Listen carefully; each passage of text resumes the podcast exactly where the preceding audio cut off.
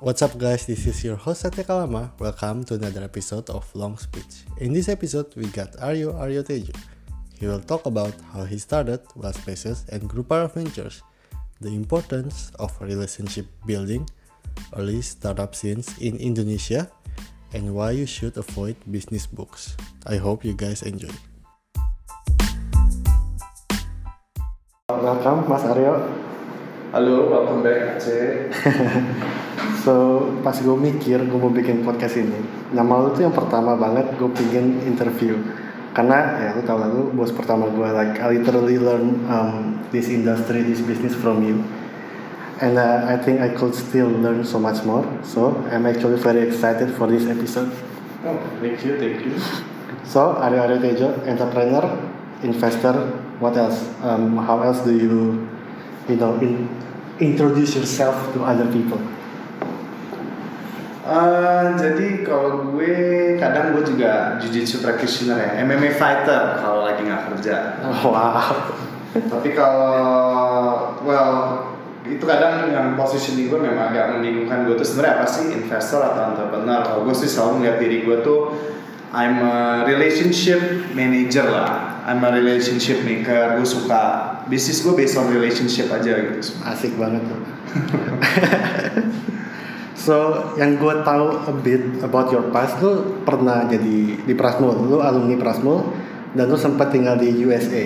Iya, uh, dulu gua di Plasmo tuh waktu zamannya masih di Cilandak, yang BSD belum ada, jadi benar OG banget gua. Iya, iya. Gua one of the first Prasmo S1 alumni lah. One of the first ya, angkatan dua lah, angkatan dua. Nah, terus kalau US dulu gue sempet tinggal di sana karena bukan karena sekolah, jadi waktu itu gue punya startup namanya Project Shoe tahun 2000 apa tuh, 2013 waktu itu kebetulan kita dapat funding terus akhirnya kita pindah ke New York dan bikin di sana. Tapi akhirnya tahun 2014 akhir unfortunately ya belajar pengalaman gagal lah jadi agak gatot tuh gitu terus gua akhirnya balik lagi ke Jakarta.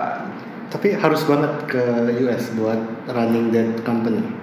Iya, karena dulu market kita itu global. Jadi project itu sebenarnya ini bukan ide yang gimana banget sih biasa aja. Waktu itu gue bikin custom women shoes gitu. Jadi cewek bisa desain sepatu di website. Dari berapa tipe mereka desain bahan dan sebagainya mereka oke mereka bayar terus kita kirim. Nah kebetulan waktu itu pangsa pasar paling besar itu di Amerika. Kedua Eropa ketiga di Middle East justru Asia waktu itu nggak terlalu nggak ada sih malah lucu Indonesia nggak pernah ada yang beli ya anyway jadi ya kita decide udahlah kita di Amerika aja gitu Oke oke. Nah, kalau sebelum berarti sebelum uh, Well Spaces, sebelum Grupara, sebelum Project Shoe, lu tuh tell me a bit about your past. my past gua tuh bukan orang yang akademis jadi um, never been good at school lah ya. Sekolah nggak bener apa uh, bukan berarti bego ya cuma kayak I decided waktu itu ya mak nggak nggak terlalu interested in school lah gitu. jadi akhirnya waktu itu gua tuh orangnya memang dari SMP itu memang udah fokus di relationship building aja sih gitu. Uh, senang aja gaul kenal orang baru gini gini gini tapi uh, ternyata investment gue dari SMA tuh lumayan berhasil kenapa karena ternyata teman-teman gue yang gue kenal dulu ternyata sekarang udah alhamdulillah jadi jadi semua ada yang uh, yang akhirnya jadi investor gue ada yang akhirnya beberapa jadi unicorn ada juga yang jadi dekakor Wow. jadi uh, Berarti circle-nya udah oke banget ya. Alhamdulillah, jadi memang mungkin keberuntungan gue juga karena dulu bukan fokus sekolah, fokus bergaul. Ternyata akhirnya teman-temannya luar biasa semua sekarang gitu. Terus juga um, kalau kuliah sendiri gue sebenarnya itu nggak lulus tepat waktu sih. Jadi gue agak lelet ya. Gua Di Prasmul ini. Prasmul. Jadi gue tuh kuliah mungkin sekitar 6 tahun kali ya, lama. Ya biasa orang berapa sih? 4 tahun tuh, 4 tahun. Biasa empat ya, gue tahun. nambah 2 tahun lah. Cuma gak apa-apa, gue sayang aja sama sekolah gue. Gitu. Terus Nah, akhirnya gue sempet lulus, jujur waktu awal gue tuh sempet susah cari kerja karena waktu itu IPK gue juga jelek, nggak perlu disebut gue jelek. Terus akhirnya ya gue hustling aja, coba-coba cari kerja kecil-kecilan nggak apa-apa. Gaji pertama gue dulu satu setengah juta.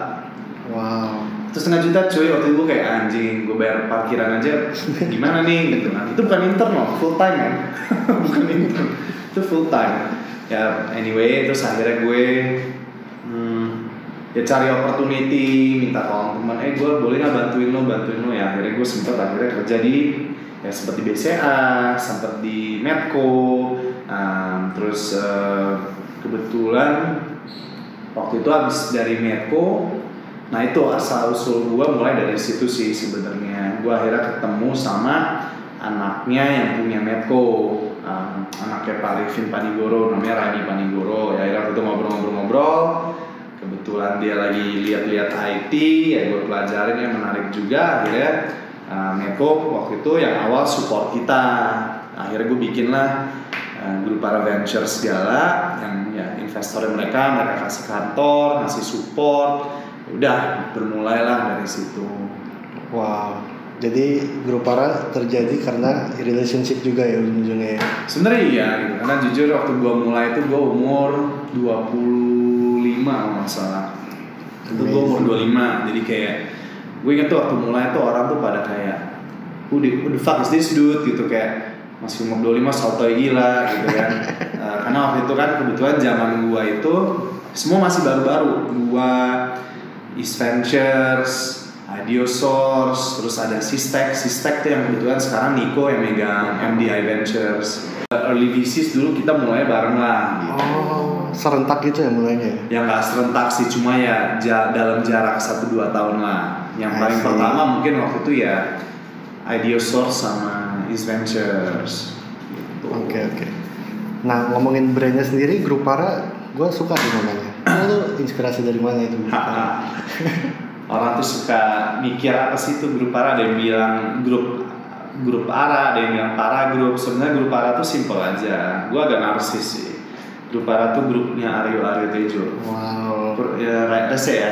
Saya itu gue kayak bingung bikin nama ini itu aja deh gitu. Ternyata sampai sekarang masih ya udahlah pakai aja terus. Oke oke. Nah untuk orang-orang yang nggak familiar banget sama VC, venture capital, investor, like how do you explain it in a simple terms?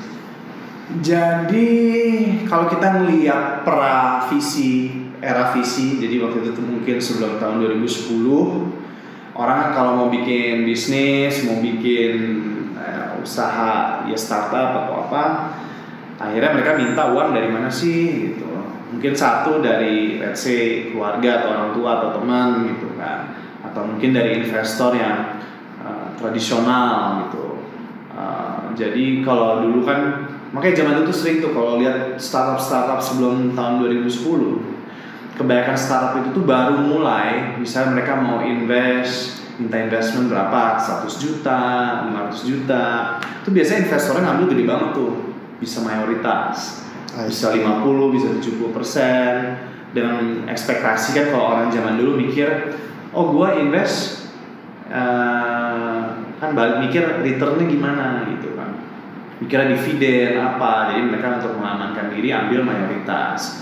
Tapi hasilnya hal-hal itu malah menyusahkan eh, startup ya usaha. Karena ternyata mereka butuh financing lagi akhirnya kegerus-gerus-gerus makanya banyak perusahaan-perusahaan tech terutama yang dimulai sebelum tahun 2010 foundernya tuh udah sisa sahamnya tuh mungkin udah hybrid banget karena udah banyak kepotong-kepotong Hmm. dan pada saat itu juga investor tradisional kan sebenarnya nggak ada yang ngerti tech tuh gimana sih cara bangunnya gimana dan akhirnya ya mereka not really helping lah gitu Cuman modal duit doang ya. ya modal duit dan ekspektasi lebih nah akhirnya muncullah visi-visi dari uh, lokal dari Jepang pada saat itu yang paling banyak tuh sebenarnya dari Jepang dulu ada Green Venture, Cyber Agent, even waktu itu kan sempat ya Rakuten masuk Indonesia gitu. Betul betul. Jadi waktu itu trennya memang early 2010 itu J- J- uh, Japanese money sebenarnya yang banyak. Even East Venture sendiri dulu LP-nya tuh banyak dari Jepang Dari Jepang. dan beberapa ada sih dari Indonesia gitu. Dan uh, kenapa visi ini akhirnya muncul karena ya of course it's pretty obvious that tech boom is going and everywhere else in the world dan pada saat itu hmm, Indonesia tuh termasuk yang paling menjanjikan lah gitu in terms of market market uh, market share di in the tech tech world. Ya udah akhirnya visi-visi ini datang dengan konsep we give money, we take small equity, we help build up the business and everything. Ya, ternyata ya it has been doing really well gitu. Kadang kalau kita pikir-pikir kan a lot of these companies kayak Traveloka, Tokopedia, Gojek, Bukalapak. Can you imagine kalau dulu nggak ada bisnis gitu orang-orang yang tradisional yang mau naruh duit, mau naruh duit, paling berapa sih yang mereka bisa bangun gitu. Tapi ternyata muncul visi-visi ini ya, it turns out um, they became um, big impact gitu di industri kita.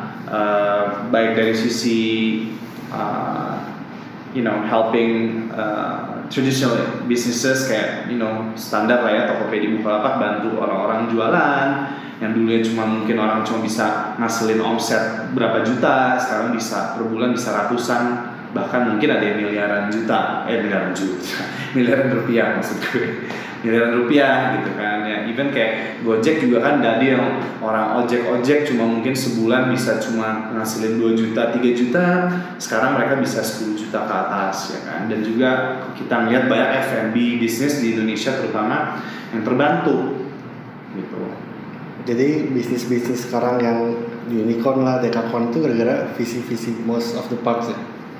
ya bisa dibilang begitu karena ya nobody is willing enough to give lot of money other than VCs even private equity firm juga they can give you lot of money gitu. Tapi kan harus balik lagi cash flow lo gimana EBITDA lo gimana. Kalau nggak ada itu ya private equity juga nggak bisa. Makanya visi itu tuh sebenarnya unsung heroes gitu. Kayak orang kayak tahu unicorn unicorn tapi nggak tahu sebenarnya tanpa visi ini tuh unicorn unicorn ini nggak ada gitu Ngerti-ngerti. jadi mereka tuh kayak apa ya ya kayak ibarat kalau kita sekolah lah guru kan berjasa ya tapi kayak suka dilupakan gitu, Gitu. Oke oke. Nah terus gue bayangin pas lu dulu mulai sekitar 2012 apa Hmm. 2013 itu kalau sama sekarang pasti beda banget di dunia startupnya. Hmm. Simpelnya kalau sekarang kayak orang-orang ngomong gue mau kerja di startup lah, gue mau bikin startup lah, Hmm. kayak majority of people bakal ngerti gitu loh. Tapi kalau dulu, apakah gimana cara lu ngejelasin startup ini ke orang-orang yang Oh, ya pada saat itu capek sih men. Kalau kita ngomong startup tuh orang tuh suka mikir, emang ada duitnya ya gini-gini. Kok kayak nggak nggak meyakinkan gitu. Akhirnya kita juga zaman dulu kalau mau hiring orang tuh orang juga mikir.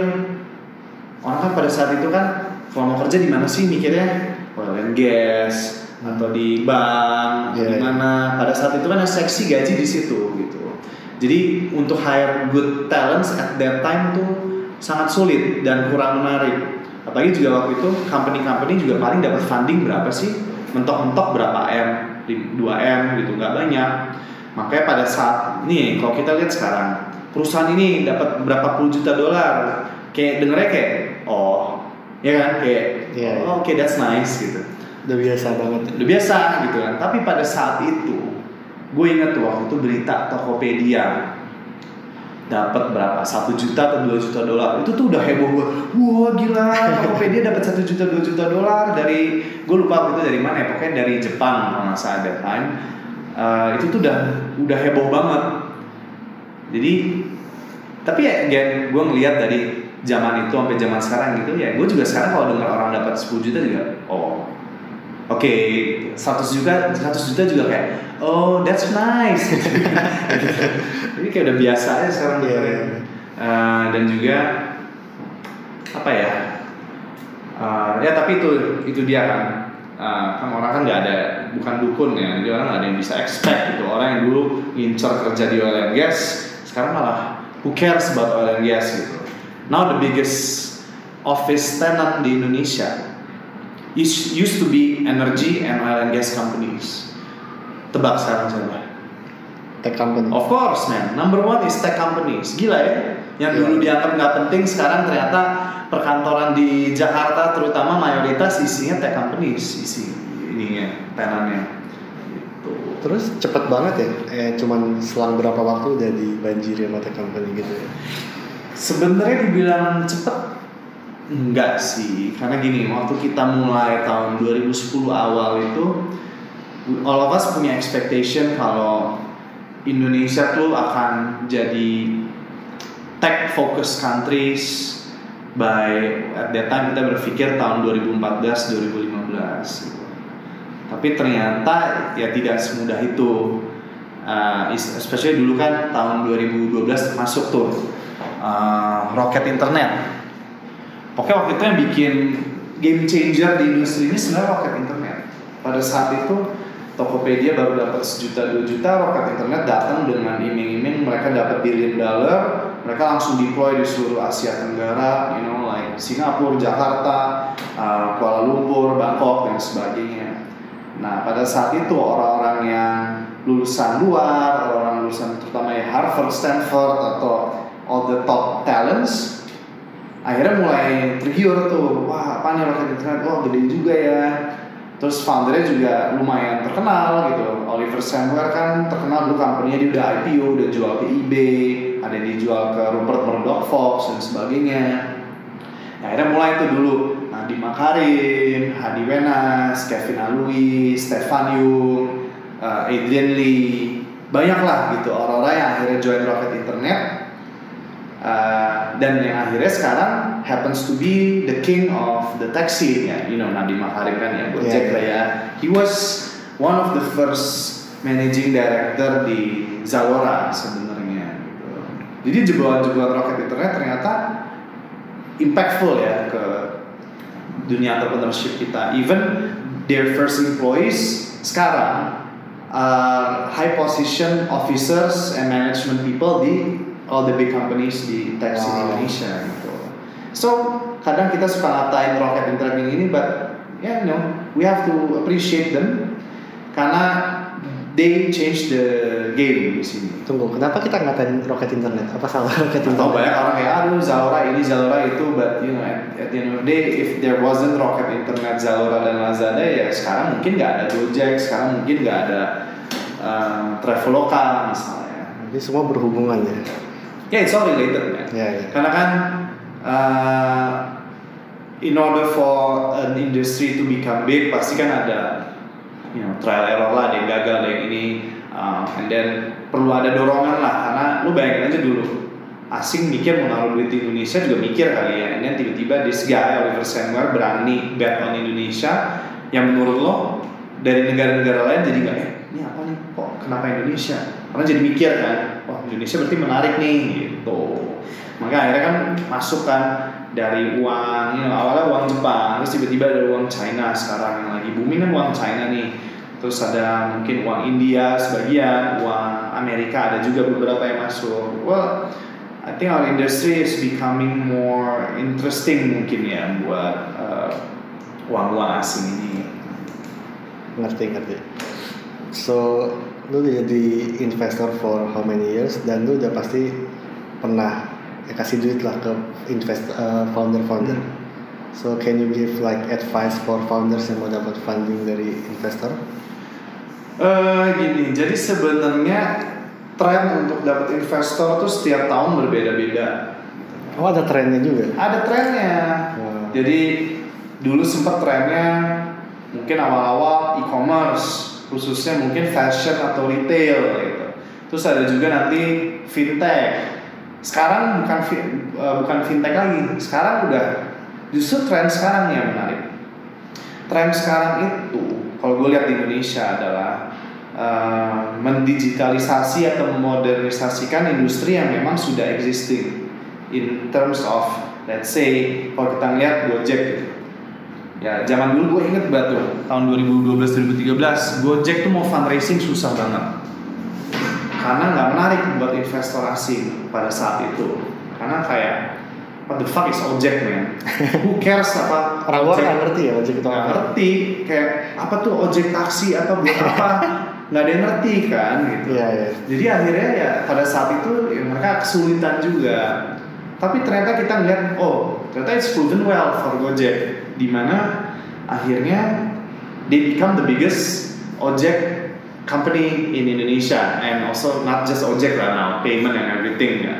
Well basically everything lah. Google Indonesia except mereka they don't do search. Um, jadi kalau Gojek itu sebenarnya simple man.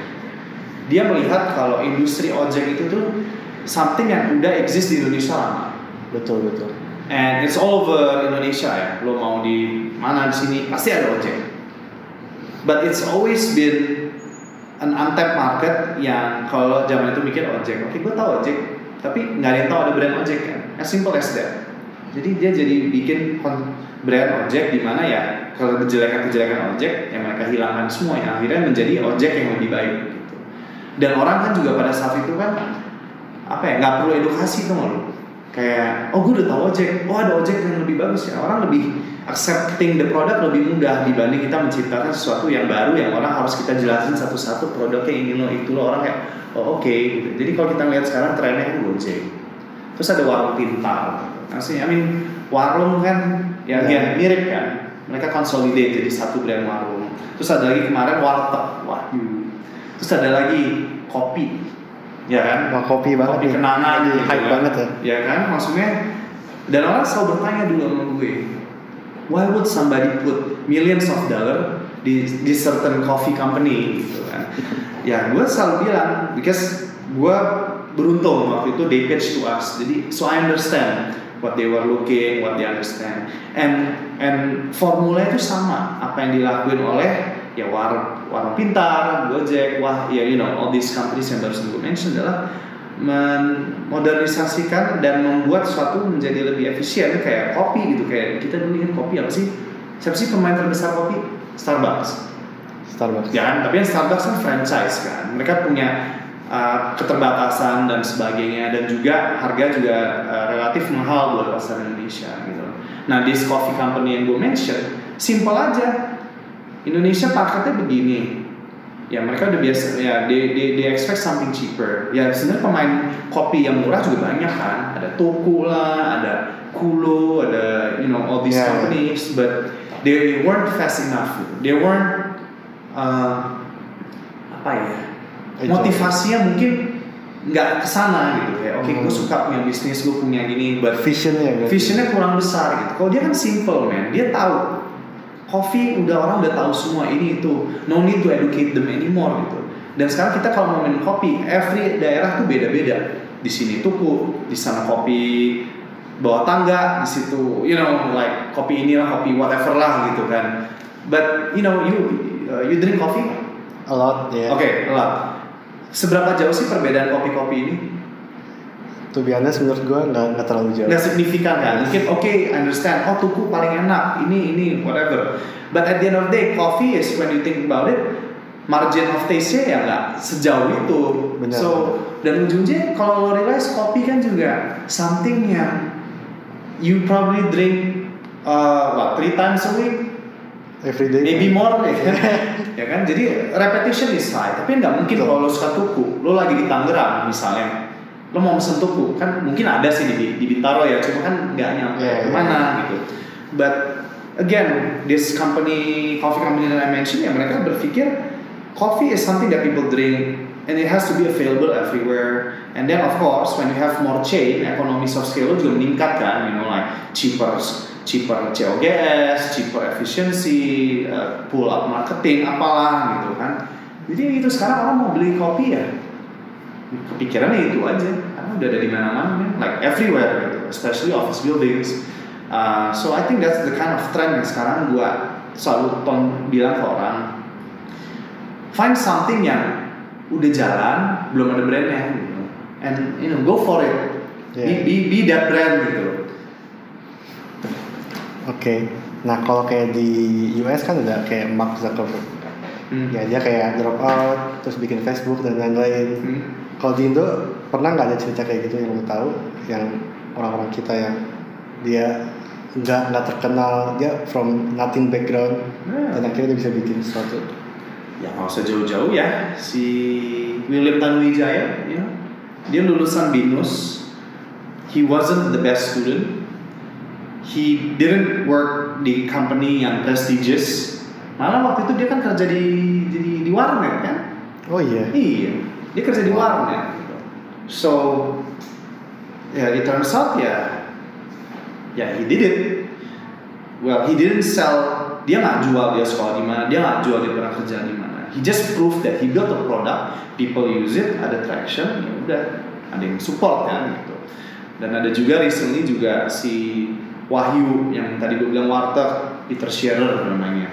Peter juga dia bukan lulusan kuliah men. Dia lulusan SMA Oh dia nggak kuliah? dia nggak kuliah dia lulusan SMA dia lulusan SMA ya he happen to have a good apa ya uh, good social skill kali.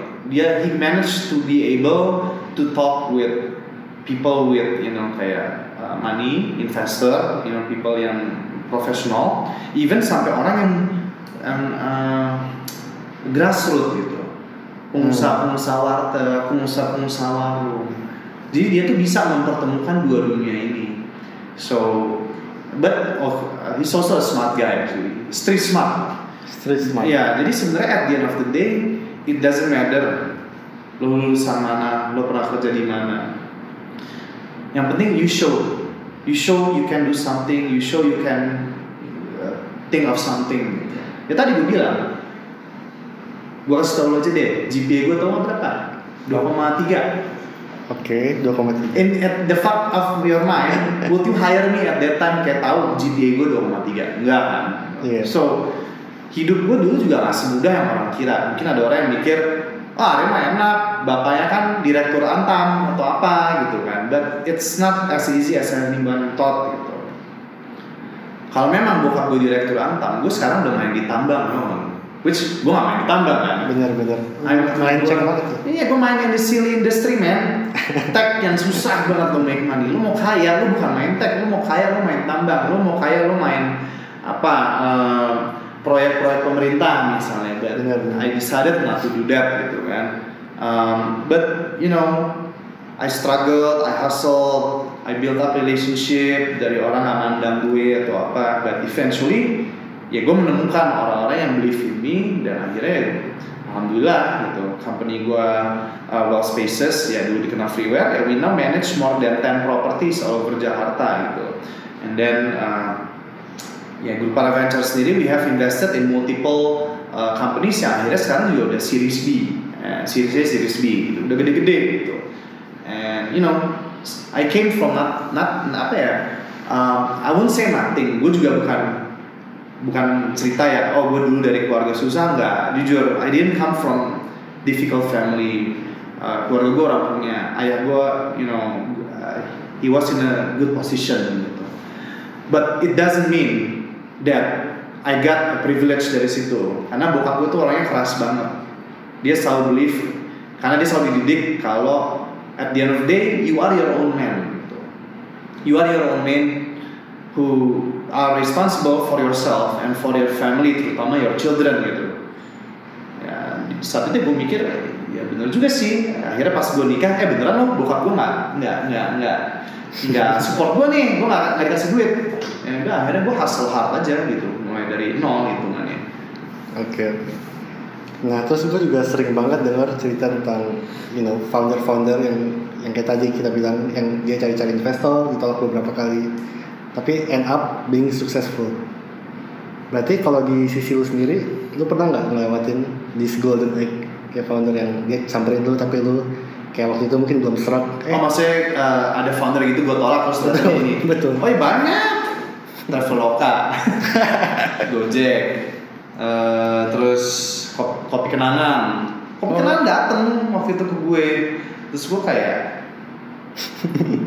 dude why the fuck lo mau bikin kopi-kopi yang udah banyak gitu kan? And then ya ya gue juga waktu itu agak, lumayan skeptical karena dia nggak ada back, background tech bukan bukan orang yang pernah kerja professionally di mana um, ya at that time gue inilah tapi ternyata a lot of these founders prove me wrong gitu banyak kok kejadian gitu dan gak hanya buat uh, ke gue banyak company yang Iya, iya. shit man udah datang ke gue gue ngambil ya gitu but you know kalau kita ngeliat hindsight uh, pada saat itu kita ngeliat pada saat sekarang kita ngeliat emang ya it's very different than, than we expect at that time So moralnya buat kalau lu founder-founder dan lu samperin investor dan ditolak, don't give up. Eh, gini, gue bukan orang yang kayak jangan pernah menyerah, jangan pernah ini. Gue bukan orang yang kayak gitu. Gue orang yang you have to be smart. You have to be smart to decide what to pursue and what not to pursue. Bayangkan kejadian orang yang ada sih cerita yang oke gue pursue terus, gue usaha terus sampai 10 tahun, 20 tahun akhirnya berhasil. Tapi ada juga yang enggak gitu kan. Bener-bener. Sometimes you have to decide what to let go and what to move on with gitu kan. Karena eh, apa ya kita harus bisa belajar gitu. What's not working we should focus on something else. Tapi bukan berarti lo oke dikit nyerah ini nyerah enggak. You have you just, you just have to understand how to measure sukses gitu. What's working, what's not. Kalau tahu lo udah measure, oh ternyata dari measure gua ya emang nggak working, ya udah jangan gitu kan. Eh, ada tuh bukunya tuh kalau salah yang nulis Seth Godin judulnya The Deep Jadi, nah The, eh, The Deep ya kalau nggak salah. Shit man gue lupa. Udah lama banget gue baca. Oke. ntar cek lagi dia ngomong jadi dia tuh bilang kalau it's okay to Give give, up. up. but it's not okay to give up on your life. Ngerti ya? It's okay to give up on your ideas or your vision but do not give up on your life. Banyak orang yang kayak gue punya ide nggak jalan. Give up on life. Oh udah gue nyerah deh gue udah nggak tahu lagi sama hidup. Ya akhirnya dia nggak usaha. Dan gue selalu bilang you give up your idea bukan berarti lo nyerah. You you create something else then you fight again gitu. It happened to me kan? Gue pernah gagal gue pernah bangkrut ya gue bangun lagi ternyata jadi pernah gagal lagi bangun lagi. It's not easy man. Banyak kok startup founder yang kayak gitu yang gue kenal. Wow, very inspiring. Nah, terus lu sendiri nggak cukup buat jadi investor, tapi lu bikin at that time namanya masih Freeware Spaces, sekarang Well Spaces. Mm-mm. Gimana the backstory of this uh, co-working space back then? Ya dulu gue bikin freeware sebenarnya itu tahun 2013 awal. Habis ya, habis Grupara berarti kan? enggak, justru dulu bikinnya bareng. Oh, Jadi pada saat itu gue punya Grupara, gue dikasih kantor. Dulu gue cuma berdua. Kantor gue lumayan gede waktu itu, 250 meter buat dua orang gede banget kan. buat dua orang. Iya, terus waktu itu juga eh, dana kita nggak banyak.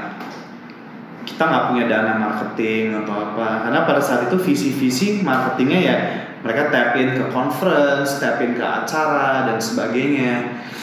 We didn't have that luxury lah to spend that amount of money. Akhirnya yang gue jadiin adalah, you know what? Let's build a free incubator Free. free pada saat itu gratis that's why we call it freeware Oh, jadi kalau buat anak-anak zaman-zaman sekarang kayak lo, lo pada mungkin apaan tuh freeware? Nggak pernah denger kan? Ya iyalah nggak pernah dengar zaman lo sekarang aplikasi gratis semua. Jadi justru yang berbayar yang aneh. Tapi pada zaman gua dulu free itu sesuatu yang eh, nggak common. Apa apa tuh bayar.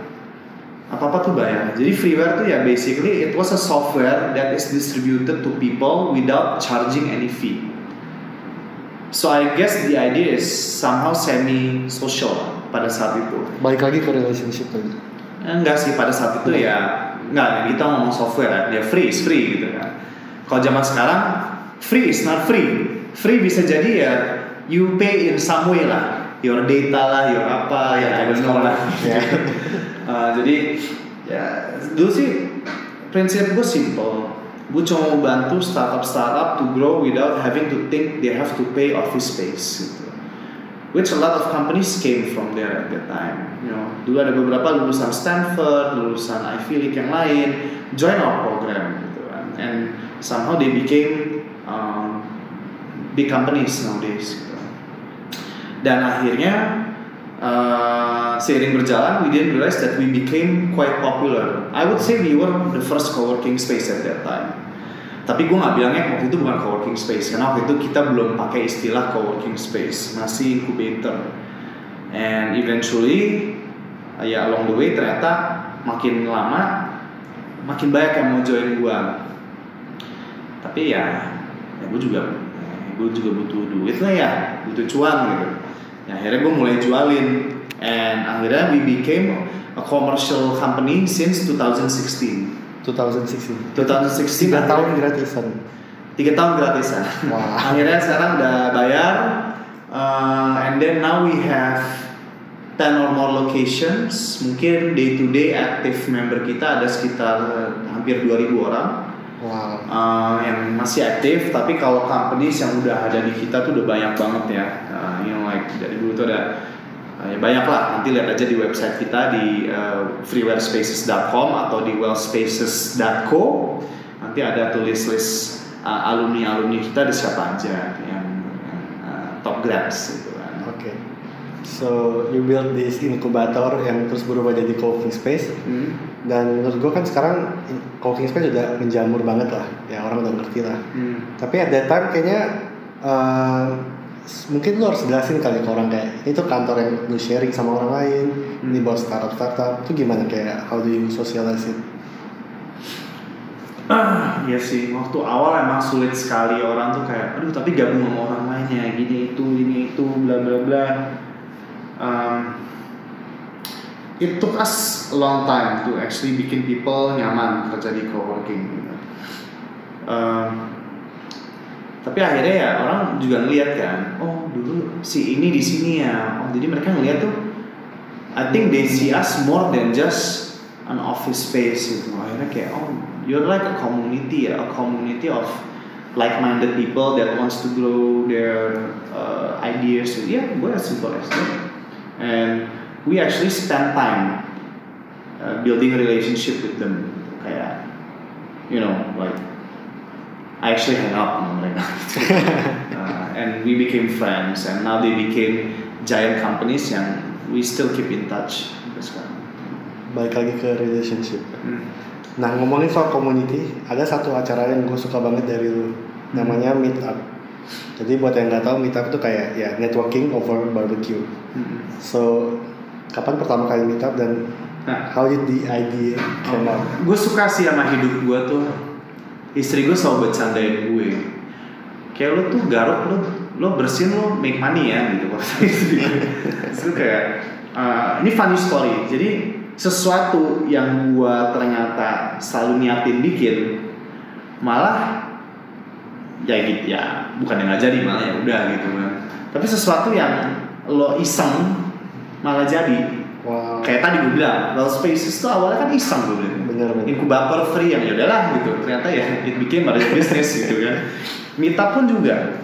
Jadi awal mulanya gue bikin meetup itu sebenarnya waktu freeware baru pertama jadi. Eh sorry bukan freeware. Freeware Kemang. Kemang. Tahun 2016 itu baru pertama jadi. Terus pada saat itu itu kan gue masa-masa abis gue bangkrut tuh. Gue lagi nggak punya uang. Jadi freeware masih baru jadi gue masih belum punya uang masih. Ya udahlah gue mulai lagi gitu kan. Oke. Uh, and then at that time uh, yaudah freeware. Waktu itu kan buka tahun freeware rumah buka ta- uh, bulan uh, Desember Januari 2015 jadi 2016 Januari lah. And gue mikir gue ulang tahun nih bulan Februari. Oh. Gue mau ulang tahun terus freeware gue buka. Yaudah deh gue mau bikin sesuatu ah sekalian ulang tahun gue sama freeware gitu.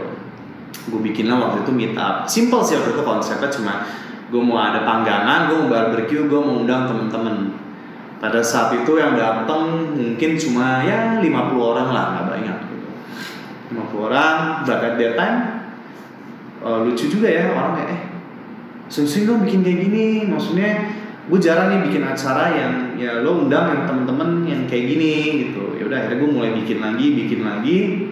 Um, jadi waktu itu gue setahun bikin dua kali kecil-kecilan pakai uang kantor sendiri apa ya ya rugi-rugi dikit lah pada saat itu. Mungkin waktu itu gue juga setiap bikin paling habis 10 juta kali ya.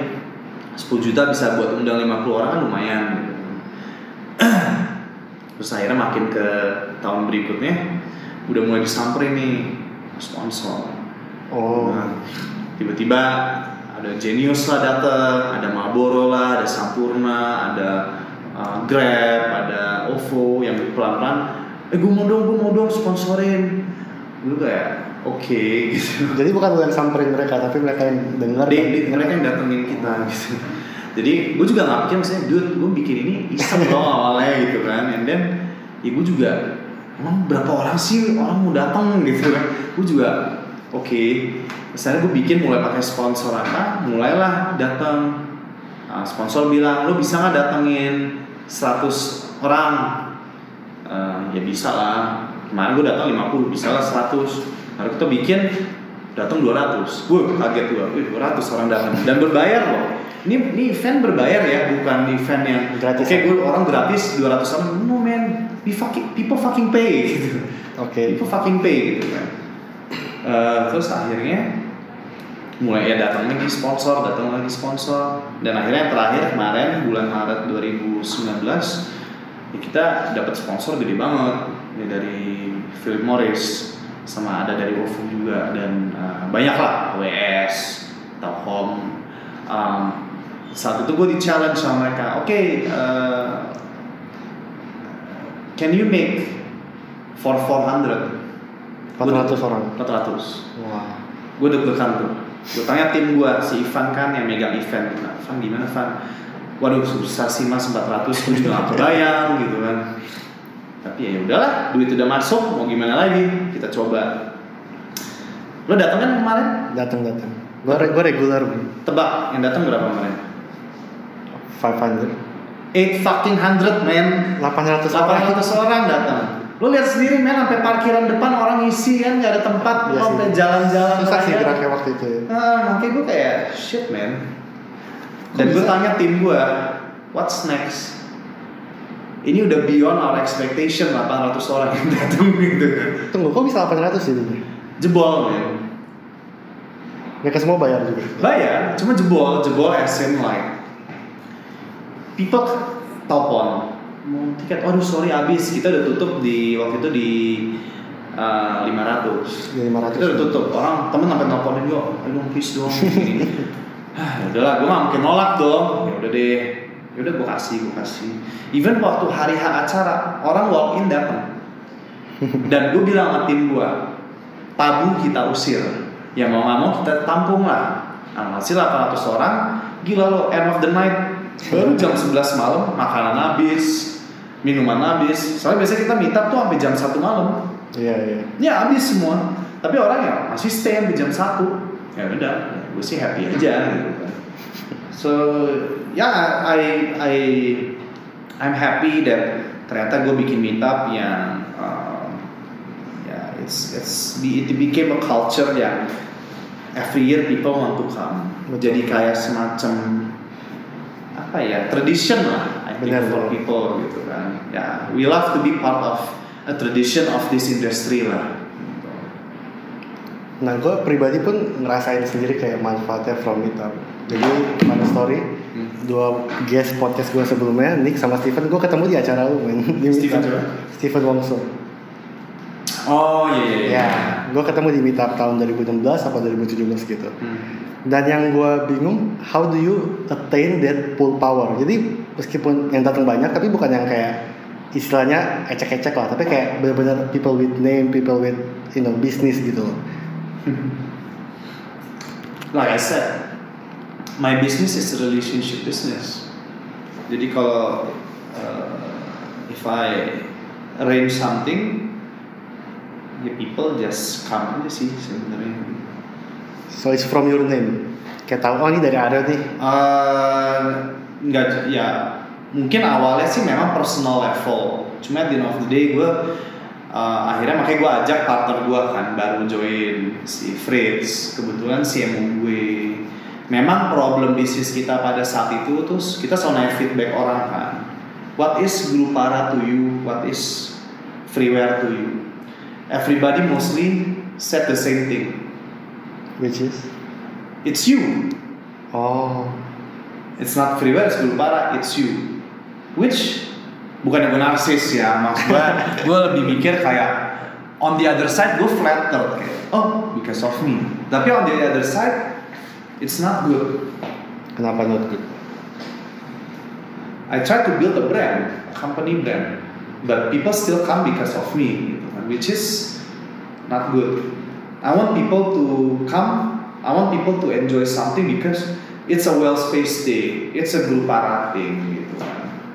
Ya akhirnya, what happened to the company if I'm not there anymore? Let's say gue cacat, gue meninggal, atau I when I'm not able to grow the company susah kan. Makanya that's why I brought a new partner, Fritz, that helps me kayak let's build this company more than just Aryo. Let's build this company into something yang I don't know man. Like when you think about phone, you think about Apple, you think about Android. When you think about community, when you think about relationship, ya you think about those spaces gitu kan. I see. Oke. Tunggu, berarti sebelum Fritz, you run this Grupara, you run this well spaces by yourself. Uh, ya sendiri, tapi dibantu istri gua sih sebenarnya. So my wife has always been helping me dari shadow. Jadi kayak uh, ini ya, behind every successful man there's a strong Yes. woman. Ya kan, gitu ya. Dia she's always been there. Tapi akhirnya dia juga join gue juga sekarang di Wild Spaces. Jadi gua, Fritz, sama Sarah si istri gua. Nah, balik lagi ngomongin soal Cool Power, gue ada sedikit cerita pas meet up waktu itu sekitar gue lagi volunteer ya Hmm. di tahun 2016. Hmm. Terus waktu itu ada satu orang datang, kayak masih anak muda gitu, kayak mirip-mirip kayak gue lah. Terus beberapa dia tuh kayak kelihatannya dikawal banget, kayak ada ajudan lah di sekitar dia. Nah pas dia cabut, gue baru tahu, gue baru found out dia tuh ternyata Gibran. Ya, anaknya anaknya Jokowi. benar. Kenapa bisa ada anaknya Jokowi mampir ke acara lu men? ya itu juga funny story sih. Jadi tiba-tiba one day gue dihubungin sama timnya lah. Timnya mas saya mau datang ke acara meet up. "Uh, oh ya silakan datang aja. Terus dia bilang tapi sama Pak Gibran. Gibran siapa ya? "Oh, ini Pak anaknya Pak Presiden Jokowi. Oh oke ya udah gue dengan senang hati. Tapi waktu itu meet up juga masih belum gede lah. Mungkin waktu itu yang datang masih ya 150 orang kali ya gitu. Dia datang ya dikawal lah dengan protokol dan sebagainya ya. Ya udah kita host lah gitu di di acara meet up gitu. Gue juga kaget sih sampai anaknya presiden aja mau datang gitu. Bener-bener. gue sebagai anak magang kaget banget waktu itu. Nah terus lo sebagai orang di dua kutub ya, entrepreneur and VC, Hmm. menurut lo like what's the difference between running between those two? running apa? Running Grupara sama running Well Spaces. ya it's two different animals sih sebenarnya Um, tapi ini sebenarnya dua unit yang saling uh, complementary complementary lah gitu kayak pertanyaannya sama waktu itu investor uh, Gulbara gua. Oh lu jalan well space juga. Tapi ya gue cerita. Tanpa well spaces kita mau invest juga susah. Ya dong. Now we invest we have this community base. Kita punya infrastruktur yang kuat in entrepreneurship. So we need well spaces. Begitu pun well spaces. Kalau jalanin Grupara well spaces gimana? Di other way around juga men. Without Grupara kita juga susah because at with our tenant we invest in some of them. So kita ada nilai plus gitu. Sebagai coworking ya kita ada akses to investment and advisory role juga gitu. So it's complementary business sebenarnya. So if one day you had to choose, you had to choose to let go one of them, which is it? hmm, sampai saat ini sih belum pernah ada yang ngomong gitu ya. Tapi pernah kepikiran nggak? Ya ada sih sempat kepikiran gue mau fokus salah satu buat ya abis gue ngomong sama partner-partner gue gue ngomong sama tim gue ya ternyata nggak mengganggu gitu. I can do both uh, secara paralel ternyata gitu. and yang tadi gue bilang ternyata complementary Okay, now let's uh, dive in into your personal life. Dan gue lihat banget lo di Instagram, di mana lo aktif banget workout as in martial arts, Brazilian Jiu-Jitsu. hmm. Kenapa bisa mulai uh, BJJ? Sebenarnya awal mulanya sih mungkin midlife crisis kali ya kayak Kan masih muda. Ya, gua apa lebih cepat 10 tahun sih.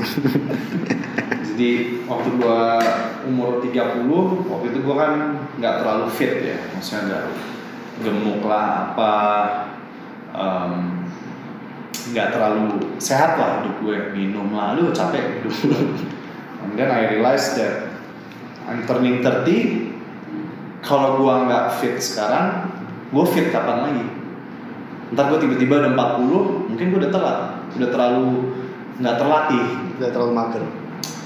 Ya akhirnya ya udah gue mulai aja. Ya awalnya sih beratnya setengah mati kan kayak anjir gue sama mau mati gue tapi akhirnya sekarang it, some, it became uh, a cult buat gue. Di mana tanpa gue latihan olahraga tuh uh, I feel losing. Karena gini when we're doing business and doing work of course we want to win. But winning in business and professional life kan gak gampang kan? Challenge-nya luar biasa uncertainty-nya tinggi. Ya apa ya lo kadang kan ketergantungan sama pihak luar gede kan? Jadi you expect lah you lose you depressed you win you're happy. Hmm. but in order for me to manage that I have to create something a small win a daily small win. Daily small win dalam arti lo olahraga? Ya, um, not regular, but berat kan untuk memulai yes, very hard. Tapi lo ngerasa nggak after you're done lo ada semacam apa ya kayak sedikit achievement kecil Endorphin. ya Ya. ya endorphin salah satu tapi you feel that yes gue olahraga Ya, ya, ya. ya itu sih every small win itu setiap hari gue melawan kemalasan gue it helps me with my professional life if I lose in the business at least I have small win that I manage to ngel apa ngelawan kemalasan gue olahraga. It helps me. Tapi again olahraga tuh bagus pagi jangan malam. Ya terutama gue gue udah uh, gue udah berkeluarga uh, anak gue udah dua so I have to have time for my family kan Hmm. jadi akhirnya gue selalu olahraga tuh pagi. Jam 7 sampai jam 9 misalnya habis itu gue ngantor malam pulang ya gue sama istri dan anak-anak. So I try to uh, balance my life. Jadi harus ada yang di sacrifice apa yang di sacrifice ya pergi malam gue yang ya dulu mungkin gue pergi malam tiap hari atau apa ya sekarang gue pergi malam mungkin seminggu sekali dua kali aja gitu. Masih banyak ya tapi mendingan lah dibanding dulu Nah, eh, berarti bagi lu sendiri sports atau martial arts atau workout itu bukan cuma buat fisik tapi buat for your mental health as well. Is mental health sama uh, fighting depression. Jadi mungkin sedikit story juga. Uh, dulu kan yang gue cerita gue kan pernah bangkrut Yes. and that that ruins my life a lot lah. Gue yang dulu udah di Amerika, gaji gue gede dan sebagainya, tiba-tiba gue balik ke Jakarta mulai dari nol lagi. Yang start from zero with nothing gitu kan. I almost killed myself. Ya, bukan almost killed sih, but thinking of killing myself. ya gue kayak nggak mau ngapa-ngapain apa. And then ya, I had to go to the doctor, psikiater. Yang akhirnya gue dikasih obat ini, obat itu, to fight my depression. gitu. But it didn't work out well. Those drugs yang dikasih dokter malah bikin gue lebih less productive, less motivated. Karena obat-obat seperti itu tuh bikin lo lebih apa ya? So they try to make you nggak punya mood swing kan. Jadi lo dibikin flat aja hidup lo, Oh. nggak bagus gitu. Akhirnya I decided that I don't want to take it anymore. I told my doctor, apakah gue harus tetap take this prescription drugs? Yang menurut dia, biologically lo harus, karena depression tuh come from your mind and also biologically. Ya gue percaya aja gue dengerin kan, but I took the drugs for I don't know man, one year, two year, still didn't help me. Still had my depression period gitu. Yaudah akhirnya gue lari ke olahraga dan yang lain-lain, and it proved I don't need the drugs anymore. Jadi sekarang udah enggak. No, sama sekali gue lepas dari obat-obatan dari dokter itu, and it helped me a lot, helped me think, helped me run the company without lebih produktif gitu. Iya. Tapi again, uh, I'm not saying that gue bukannya bilang kalau prescription drugs itu jelek. I'm saying dari pengalaman buat gue, it didn't do me right. Tapi bukan berarti buat orang lain nggak Bisa cocok. bisa beda-beda ya. bisa beda-beda. At least for me, olahraga help me a lot more than prescription drugs. Okay. So other than you know working out, uh, spending time with your family, do you have any other hobby? Eh, gue tuh suka banget baca buku sebenarnya. Banyak sih orang kayak kaget, oh, baca buku ya? Kenapa kaget? Atau orang kayak kalau image lu kayak, oh ini kayak lo party boy banget, kayak lo uh, anak manja, kayak lo apa gitu ya. Gue ikutin terserah aja ya. Maksudnya gue dandanan gue ya streetwear gini bukan berarti gue anak manja. Gue tatoan bukan berarti gue nggak serius dalam hidup. Oke. Gue orangnya ngomongnya asal bukan yang rapih yang yang gimana. Doesn't mean that I don't care about intellectuality and knowledge gitu. Doesn't mean that kan. Justru gue tuh orang yang I'm trying to break the norm. Kesannya kalau lo kalau visi lo harus jadiin, lo kalau ini harus gini. Oh. I'm trying to break the norm kalau you want to be what you want to be motherfucker. it doesn't have to be what people want you to think gitu. It doesn't mean that oh lo bisnis di Indonesia lo harus hijrah karena kita negara muslim. Uh, I don't believe in those things itu. Yang gue merasa adalah gue punya goal gini. Yang penting end game ya gue resultnya gue mau gitu. Mau cara gue gimana mau menurut lo gue begini ya I don't care I, I just do what I you know whatever kan. Nah ngomongin soal buku, do you have any book recommendation yang lo lagi baca sekarang atau yang lo pernah baca sebelumnya? ya tadi sih menurut gua um, karena di Indonesia selalu bilang kalau lo kalau nyerah tuh you're a loser atau apa Oh buku Seth Godin tadi ya? ya itu bagus sih Oke. Uh, I think you should read that book uh, Seth Godin uh, The Deep D I E P ya D I E P uh, and also mungkin yang what changed my life tuh ini udah lama sih. Tim Ferriss uh, oh juga juga 48 For, hours hour for our work week. ya ya itu deh. Ya, Nah, itu. itu. terus kalau relationship building gue sih sebenarnya uh, loosely based. Gue nggak benchmark 100% dari situ but it helped me. Itu how to influence how to win friends and influence Oh. people Klasik ya? itu klasik buku tahun berapa 50-an atau 40-an Yes. ya, penulisnya Dale Carnegie. Apa lagi ya? Mungkin um, oh ada nih buku yang menurut gua kontroversial sekali but again when you want to do business karena kan orang kalau mau belajar bisnis tuh selalu mikirnya oh I have to read business books. Business books business books business books believe it or not gua gak suka business books Oke. Kenapa gue gak suka business books? Tadi gue bilang, bisnis setiap berapa tahun berubah. Oh tren. Tren berubah. Tren, bisnis model, ini itu, dia always change. You know what never change? Human nature. Human nature tuh, when you think about it, sama. So, I fascinated myself with uh, books yang relate to let's say anthropology sama genome. Genomic DNA. ini and I think one of the anthropological book yang I would recommend to uh, Sapiens. By Harari. yes penulisnya Harari. Uh, dia mengupas banyak tuh tentang histori manusia. Baik dari you know, segi biologi geographical even bahkan uh, nature mereka, behavior mereka dari zaman batu sampai sekarang. Hmm. Tahu apa yang sama dari dulu sampai sekarang? What is it? Sexual urge tuh nggak berubah dari dulu sampai sekarang. Sexual urge. Iya.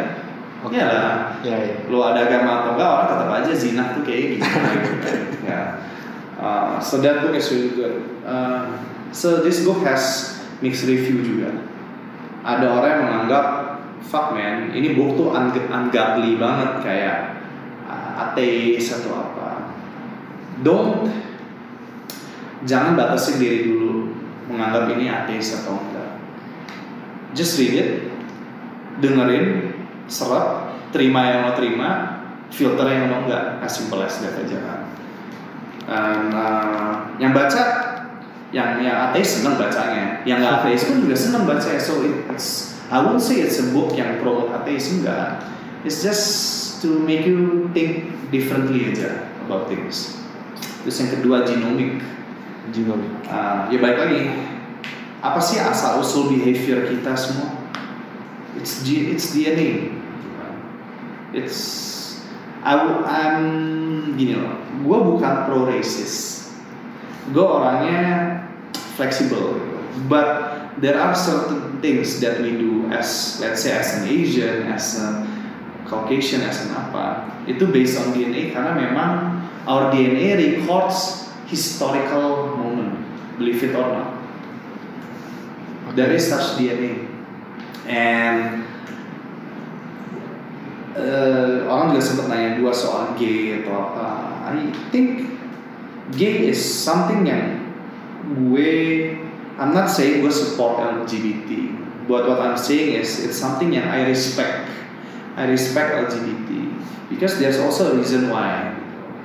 From Di- DNA. ada DNA there's this Oh. DNA called the gay DNA itu ada. It's no joke.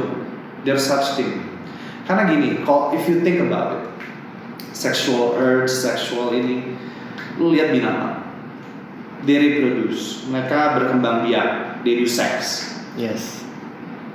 Kadang lihat how do they know how to do it have you thought about it Instinct. exactly kalau kita kan dulu mikir we know how to have sex kita nonton bokep bener nggak? Yes. And then when people thought about being gay, ya it's something yang lo learn atau apa, but it's not true. Man. Lo lihat binatang, they, they know how to have sex without watching porn. True. How do they know it? Insting, insting mulai dari mana? DNA. kan. It's engineered within their body. Begitupun manusia. You like this certain girl, you think she's hot. Menurut gua enggak. I like this girl, you think dia enggak. And then this other guy, oh I don't like this girl, I like this guy. You know, those things tuh ya ada reason gitu sih. Well, other than gay ya, other than that ya macam-macam lah kayak behavior lo, kenapa orang ini lebih hot headed, kenapa orang ini um, ini. But satu yang dijelasin dari buku itu, intellectual is not genomic. Oh. it doesn't represent kayak orang bilang orang hitam lebih bodoh orang putih it's not proven ternyata intellectual came from experience from surroundings and from nutritional intake makanan lo apa? Not genomic I see. Jadi So- IQ kita bisa nambah. Bisa men. Makanya kadang lo suka dengar nggak sih cerita? Let's say ada anak petani atau anak apa Anak tukang pemulung misalnya. For sure they're not blind Tapi ternyata anaknya Bisa dapat beasiswa S3 di mana Apalah ini lah So it's not actually genomic Benar-benar. jadi Albert Einstein kawin sama uh, Marie Curie misalnya. Belum tentu anaknya pinter gitu. But anyway this book is so amazing. Dia uh, sorry gue juga belum ngomong nih book apa juga belum ngomong itu juga ya. Uh, jadi uh, the book is called The Gene. The gene. The Gene. Uh, pengarangnya itu uh, gue lupa namanya orang India. Uh, Siddhartha Mukherjee The gene by Siddhartha. Siddhartha Mukherjee. Jadi uh, how I found this book is actually I found it ref, uh, re- uh, recommended by Bill Gates.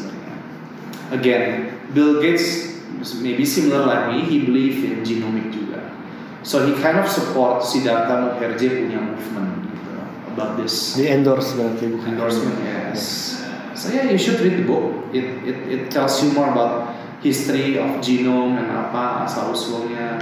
And they actually talk juga about Nazi. Nazi. Nazi, ya ya ya.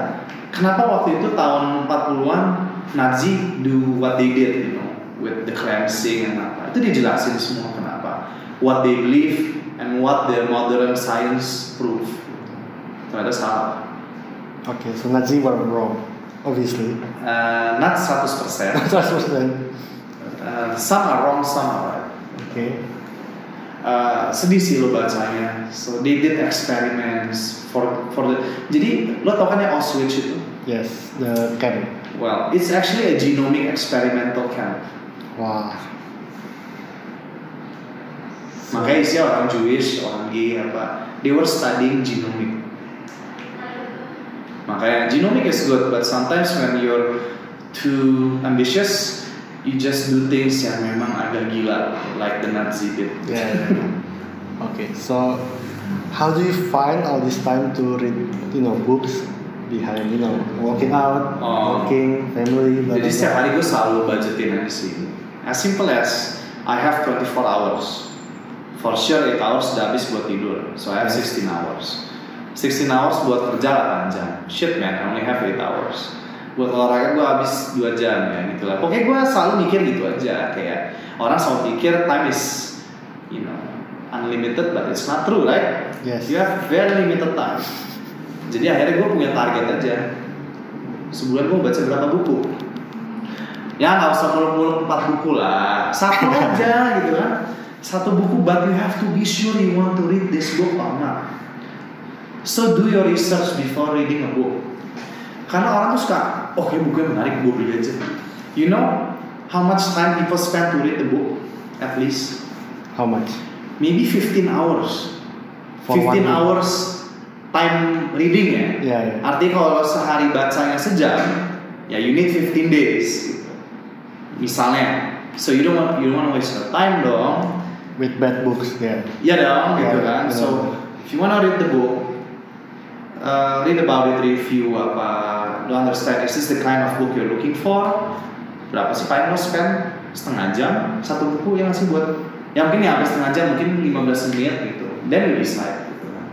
Soalnya banyak orang kayak toko buku tuh lo lihat bestsellernya apa. bestseller ini, wah judulnya menarik nih. I'm gonna read this fucking book. Nggak buku yang orang lagi seneng banget baca? Apa? Nih? The Subtle Art of Not Giving a Fuck. Oh, ya, ya, ya. Banyak banget. Ya, you know why? Karena judulnya kan. Yes. But when you read it, do you like it? Gua secara pribadi justru gua menghindari buku yang dibaca banyak orang banget. Nah, exactly. Yeah. Itu, gitu kan. Gue waktu lihat Subtle Art of Not Giving a Fuck, gue kayak, dude, I'm pretty sure this buku bakal laku nih, karena ya, it's it's self-explanatory. But at the end of the day, the book is all about, you know, like a lot of people uh, want to think a lot of things, but they have limited time and attention, man. So they have to not give a fuck on certain things. Inti buku itu kan sebenarnya. so you don't actually need to read the whole fucking book. Bener-bener. Wow. Makanya tadi gua kenapa gua tadi bilang gua suka buku kayak Sapiens, Genomic gitu karena it's not a business book. Bener-bener. Ya, kan? you you you you learn a lot from that book. Oh, ada satu lagi keren. What, what? Gue lupa. Billion Dollar Whale, Oh, gua tahu. This is about the hus- Jolo. the hustling Uh, yang tipu-tipu bukan sih? kasus 1MDB Malaysia. Iya, iya. So this guy Jolo masih muda umur 24, he fooled everybody. Iya, iya. Uh, J- uh, Goldman Sachs sampai sovereign funders man gila well that book gue rekomend buku ini bukan lo bukan lo belajar cara ngibulin But but sometimes in order for you untuk gak dikibulin orang you have to understand how the kibulin people think kan Gitu. benar-benar. And I think this book teach you a lot about hustling juga. Jadi yang gue baca dari buku ini adalah I learned the good things only about how to hustle people. The bad things ya gue ngertiin aja. Oke.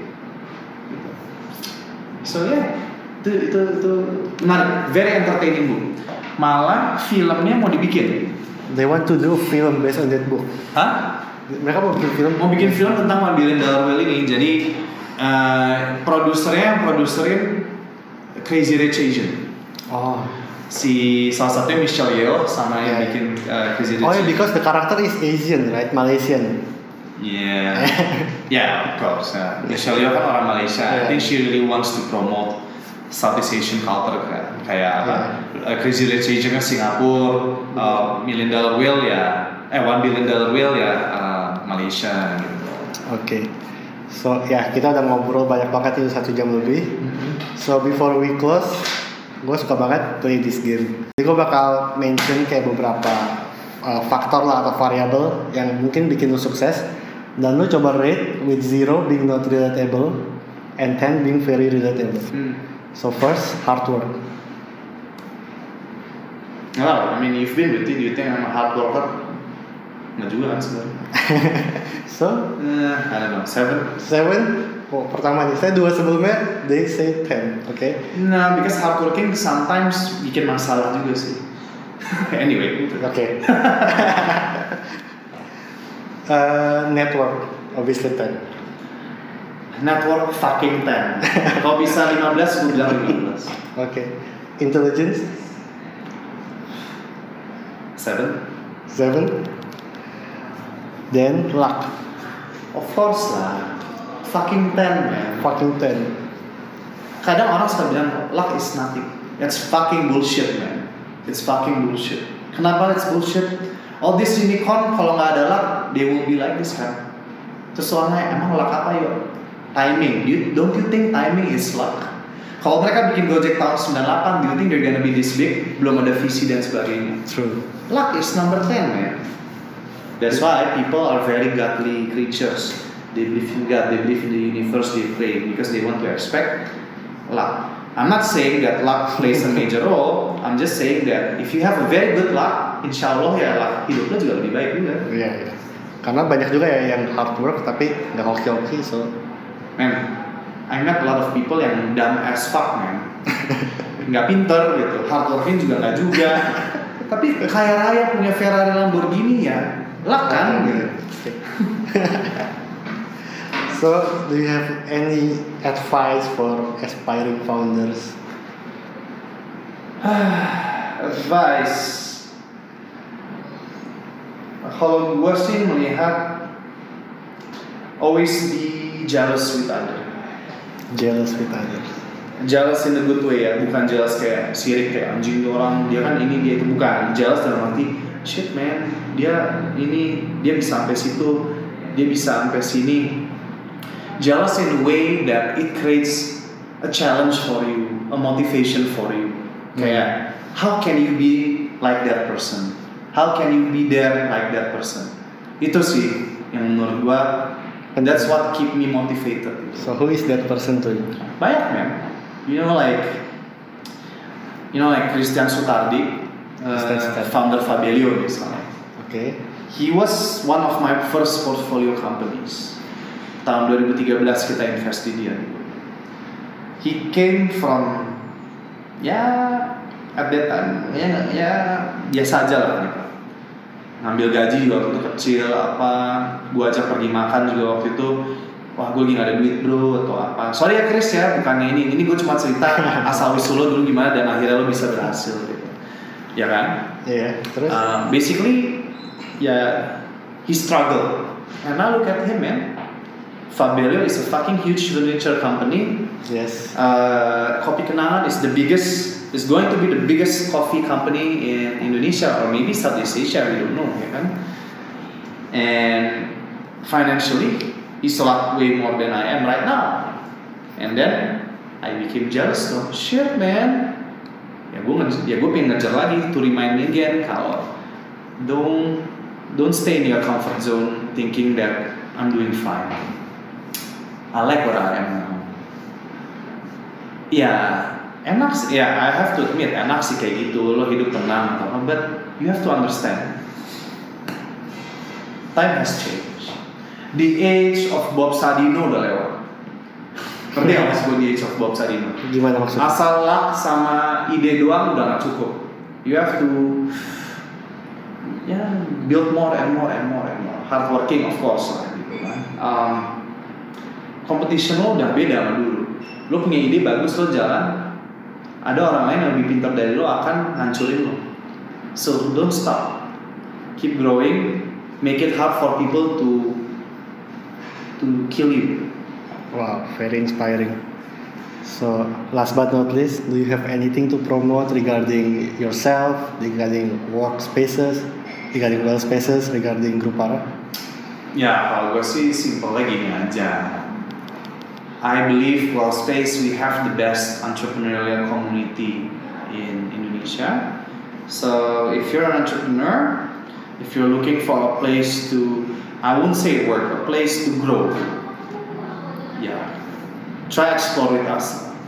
We may not be the best in design, we may not be the cheapest in price, but I believe you will grow more here. So where can they find info about uh, well spaces?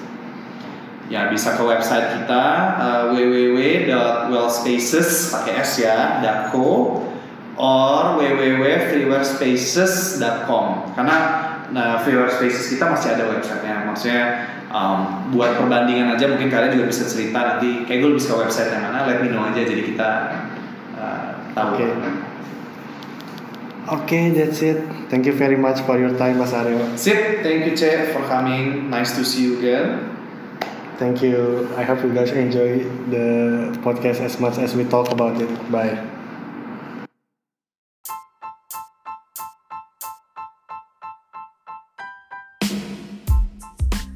Hi guys, thank you for listening to Long Speech, a podcast about startups where we are joined by founders and VCs sharing their stories and insight. Follow our Instagram at Long Speech for more updates. See you next episodes. Bye bye.